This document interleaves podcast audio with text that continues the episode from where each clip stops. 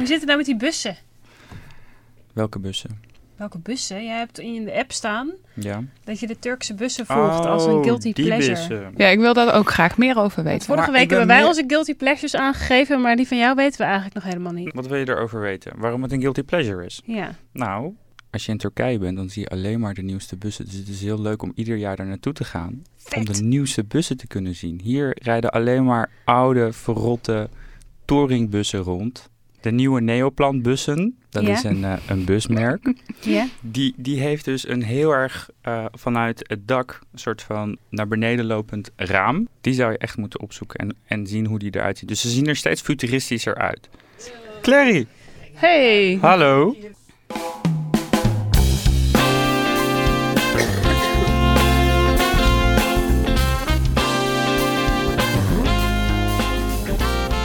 Welkom bij Trace. We zitten nog steeds in de wereld van burn-outs, waarin je ons kunt volgen en ook kunt meedenken. En Claire Polak is ook weer bij ons aangeschoven om dat te doen.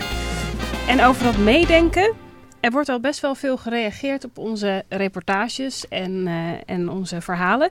Eh, bijvoorbeeld luisteraars vragen zich af waar we nou precies zitten. Nou, we zitten in een soort kelder bij de VPRO, de studio. In Hilversum. In Hilversum inderdaad. Maar er zijn nog veel meer reacties gekomen. We hebben een aantal vragen gesteld in onze reportages. Waaronder, ik zal ze er even bij pakken. Het is wel leuk om voor te lezen. Eh, in de eerste redactie vroegen wij aan de luisteraars: heb je last van burn-out klachten? We hebben nog niet een enorme groep luisteraars, want we zijn nog maar net begonnen. Maar 19 mensen hadden geen last van burn-out klachten. 11 mensen wel. En we hebben ook nog met twee mensen gesproken die gereageerd hebben via de app, Freek en Vera. En Vera die was al even kort te horen in, eh, in mijn eigen reportage. En Freek die stuurde een berichtje. En daar kunnen we even naar luisteren. Wat me wel triggerde eh, om jullie ook direct te mailen was wel de reactie van Clary Polak. eh, waarin ze zegt, hoe kun je nou op jonge leeftijd inderdaad opbranden? En toen dacht ik van ja, weet je, ze doet er best wel laconiek over. ehm, omdat ik dus in mijn directe omgeving heb gezien ja, hoe een jong iemand te maken heeft gekregen met een burn-out. Wat de reden dan ook mogen zijn. Ehm, en ja, dat is niet niks. Het heeft dat meisje wel getekend. Ehm, en ja, dat, dat ja, is wel bepaald nu geweest in hoe zij ja, nu naar het leven kijkt en hoe ze omgaat met bepaalde dingen. Mijn gevoel daarbij was heel erg dat de mensen die ik ken die een burn-out hebben gehad, juist het type mensen zijn die nooit naar de fucking huisarts gaan. Oh, nooit naar de huisarts gaan. Eh, die eh, eh, heel hard werken en over het algemeen rouwdouwers zijn. En ook denken dat ze alles wel aan kunnen en die gewoon lekker doorgaan. Dus op het moment dat iemand dan doet alsof het een soort van huisartsaandoening is. En die mensen moeten zich niet aanstellen, want ze zijn pas 30 en hè, je hebt nog niks meegemaakt. Dat is best wel beledigend in de zin dat je als persoon met een burn-out zelf niet accepteert dat je dat hebt. Het is niet alsof je zielig wil gaan zitten doen. Je maakt nogal wat los. Ja, heel goed. Nou ja, dat is heel goed. Ik vind eh, dat is een van onze taken is dingen los te maken. Mijn, eh, mijn eh, opmerking was geloof ik iets in de trant van eh, hoe kan iemand die nog niet gevlamd heeft opgebrand zijn? Ja, Precies. ja. Nou, Sta je dus- daar nog steeds achter? Ja, daar sta ik nog steeds achter. En alleen, eh, het was een vraag. En eh, blijkbaar is het zo dat mensen rouwdouwers moeten zijn. Niet naar de, eh, arts snel naar de arts gaan. Dus denken dat ze het allemaal wel aankunnen. Dus ik krijg daar nu allerlei antwoorden op. Lijkt me heel nuttig. En Wolkan, jij hebt inmiddels met het Nederlands Huisartsgenootschap gesproken. Ja, ehm, voor de mensen die niet mijn reportage hebben geluisterd, even een korte uitleg over het Nederlandse huisartsengenootschap. Ehm zij geven dus richtlijnen voor de diagnostiek. En ik pak die richtlijnen er even bij. Ehm eens even zien. In die richtlijnen eh, staat dus dat antidepressiva voorgeschreven mag worden bij een ernstige depressie. En bij een milde of matige depressie wordt geadviseerd om eh, geen antidepressiva voor te schrijven. En ook staat er in de richtlijn dat indien de patiënt de voorkeur geeft aan antidepressiva boven psychotherapie, de huisarts deze mag voorschrijven. Dat vind ik zo raar. Dat is bijna een contradictie. Dus aan de ene kant zeggen ze, je mag alleen maar antidepressiva voorschrijven als het heel erg is. En maar aan de andere kant zeggen ze, maar als de patiënt zelf eh, eh, vindt dat hij liever een pilletje wil, dan is het ook oké. Wat de, het eerste eigenlijk Ja. helemaal Ja. niet doet. Ja, en dat vindt Dick Bel dus ook. En die heb ik gesproken in mijn reportage. Dat is, ar- dat is een arts en epidemioloog. En hij valt over dus precies die zinsnede die jij ook verbazingwekkend vind. En hij pleit dat deze uit de richtlijn gehaald moet worden. Uh, hij benadrukt ook de ernstige bijwerking die antidepressiva kan hebben. Ik heb uh, het Nederlands Huisartsgenootschap gesproken.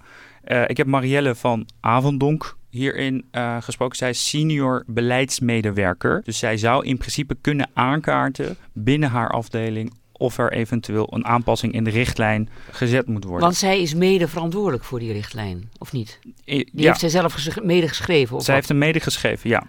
En ik heb haar in eerste instantie gevraagd of ze het dus herkent dat er bij Nederlands Turkse vrouwen eerder antidepressiva voorgeschreven wordt.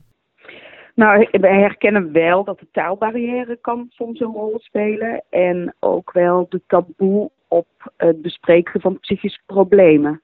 Uh, dat dat in sommige culturen meer ja, op de voorgrond ligt dan bij uh, andere culturen. En als we dan als voorkeursbehandeling een psychologische behandeling hebben, uh, dan moet iemand dat toch veel meer aangaan. En wat tegennatuurlijk of tegencultuurlijk is, dan in andere culturen. En ook in de, bij Nederlanders die oorspronkelijk uit de Nederlandse cultuur komen, is dat al vaak moeilijk. En in andere culturen is het soms nog moeilijker, inderdaad. Ja, en wat vindt u ervan dat er bij Turks-Nederlandse vrouwen eerder antidepressiva wordt voorgeschreven? Uh, in principe zou dat niet zo moeten. In, in, in principe hoort, uh, zou er geen onderscheid moeten zijn uh, tussen, tussen afkomst van een persoon. Maar als dat in, in eerste instantie niet lukt, dan kan ik me voorstellen dat dit gebeurt. En dat er dus meer antidepressiva aan Turks-Nederlandse vrouwen wordt uitgeschreven. Dat zijn dus de bevindingen ja. die ik in mijn dus onderzoek ze kan zich heb voorstellen gedaan. dat dat gebeurt. Maar uh, wat is haar waardeoordeel daar dan over? Wat is haar oordeel over het feit dat dat gebeurt dan? Haar oordeel is dat de richtlijn, dat daar beargumenteerd van afgeweken kan worden. Dus in eerste instantie zegt ze, het zou niet zo moeten.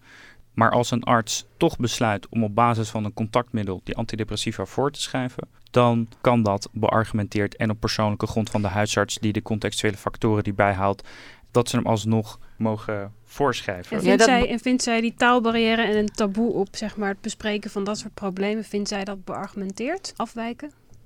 Ze heeft in eerste instantie zegt ze dat dat wel meespeelt.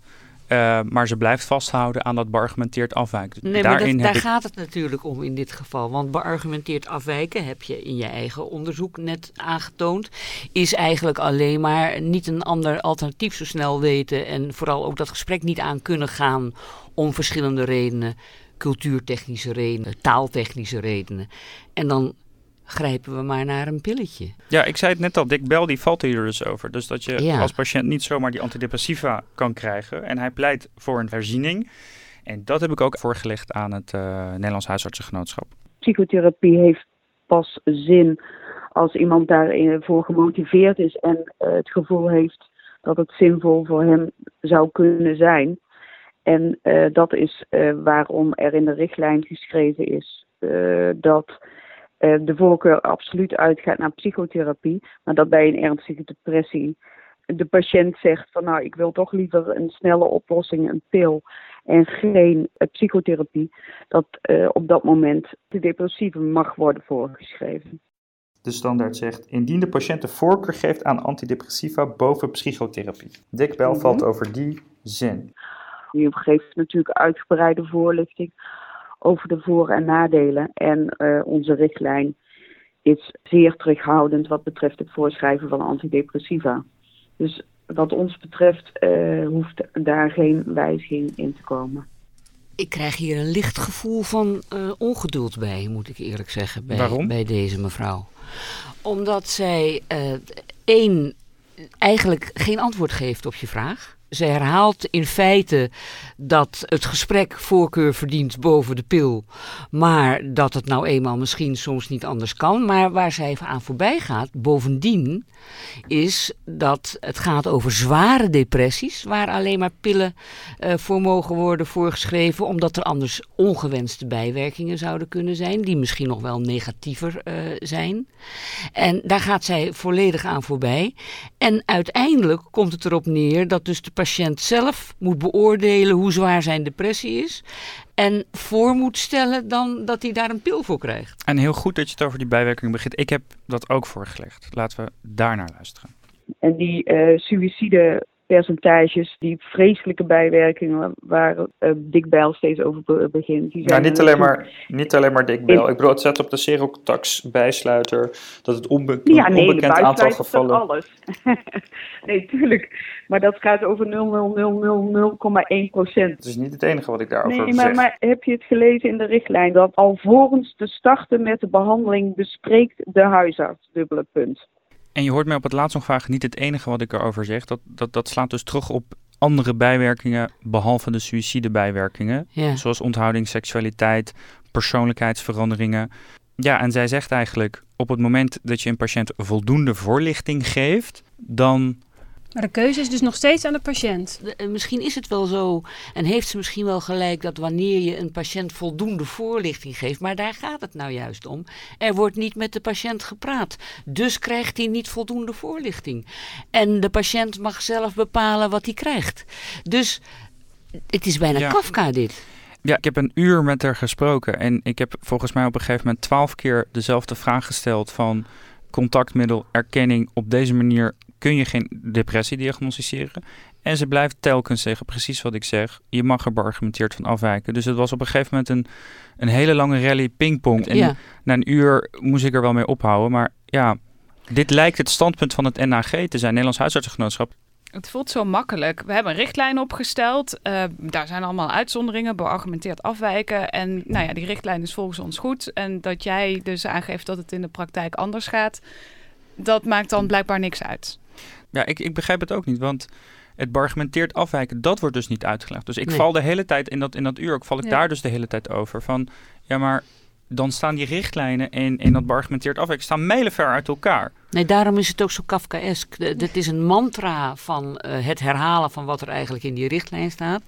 Maar wat het inhoudelijk betekent, daar Dat gaat ze volledig aan Ja. voorbij. En ik denk dat ze één keer even kort eh, daar toch een soort van zijweg in had. In die vraag van herken je dat daar meer uh, antidepressief aan Turks-Nederlandse vrouwen wordt voorgeschreven. Dan zegt ze van ja, nou, het, het gebeurt en ik kan het me voorstellen. Maar in eerste instantie zou dat niet moeten gebeuren. Ja, Daarin denk ik dat ze toegeeft dat er inderdaad niet volgens de richtlijnen ja. eh, goed, gehandeld wordt. Het is heel inter- ik vind het echt een heel interessant onderwerp. Het wijkt wel een klein beetje af van ons Ja. hoofdthema ja, burn-out, waar we natuurlijk in eerste instantie mee begonnen zijn. ja. Maar ik blijf dit wel. Nou Ja, ik- ik wil het geloof niet dat met ik rust de vorige laten. keer ik, Ja. ik- dat, ik, dat, ik, dat ik al heb voorgesteld om hier een apart thema van te maken. Omdat sowieso hoe huisartsen omgaan met depressies, met, met dit soort psychische eh, eh, problemen, maar ook met de medicatie vooral. Het lijkt me een Eh, goede vraag voor, de, mij- voor onze luisteraars. Van, vinden jullie dat ook? Die, die kunnen dat denk ik nu wel in de app. Ja, Aan ons of, er meer voorbeelden, of zij meer Ja. voorbeelden kunnen aandragen Ja. van wat ze zelf is overkomen. En of ze het wel belangrijk weten. vinden om hier verder in te duiken. Ja, zeker. Wolkans lijn stopt hier even. Ja. Mike en ik gaan nog wel heel even door. En Maaike die is al heel lang bezig met een enorme eindsprint om, eh, om volgende week eindelijk het verhaal te kunnen vertellen van Vitalis en Cura Clinics. Ja, ik ben druk bezig. Nog steeds hard bezig. En ik heb net mijn repo gemaakt over de vraag wie er betaalt bij een burn-out. Wat, wat vond je daarvan? Ja, ik vond het enorm. Ik vond het echt heel erg interessant. Wat jij aantoont is dat de diagnose vaak veranderd wordt om eventueel in aanmerking te komen om betaald te worden door de zorgverzekeraar. Ja, als je gespecialiseerde zorg nodig hebt, daar gaat het wel over. ja. Ja. En dat vind ik eng, want kom ik toch nog even terug op wat Mhm. Wolkan eh, heeft ontdekt. Als de diagnose wordt veranderd, wordt de medicatie ook veranderd. Er Wordt, wordt de behandeling dingen ook veranderd. Ja. Dus eh, de vraag Kan, is dat hè? als je dat, ja, dat zou kunnen in dat elk weet je geval. nog niet, maar dat zou kunnen. Het zou kunnen. Nou ja, als, als er een depressie wordt gezegd terwijl je een burn-out hebt, omdat een depressie wel eventueel vergoed wordt en een burn-out niet, dan eh, is voor mij wel de vraag of je dan ook niet bijvoorbeeld een antidepressivum krijgt Ja. om het te bestrijden of iets anders. En des te meer reden om daar dan in Nou ja, te wat, ik, wat ik in ieder geval wel eh, wil, is dat ik dit wil voorleggen aan de verantwoordelijke minister van Volksgezondheid. Want ik ben heel benieuwd eh, Zeker. wat zij hiervan vinden. En ik heb ze gebeld en ik heb ze gemaild. Ik heb nog geen reactie terug, maar ik blijf daar eh, achteraan bellen en mailen. Net zolang tot ik ze te pakken heb. Dit was de redactie. De volgende keer horen jullie weer een nieuwe reportage, namelijk die van Mijke en wellicht ook eentje van mij. Trace is van VPRO en Human en wordt gemaakt door Wolkan, Mijke en mijzelf. We worden gesponsord door het Stimuleringsfonds voor de Journalistiek en de muziek is wederom van de Raad van Toezicht.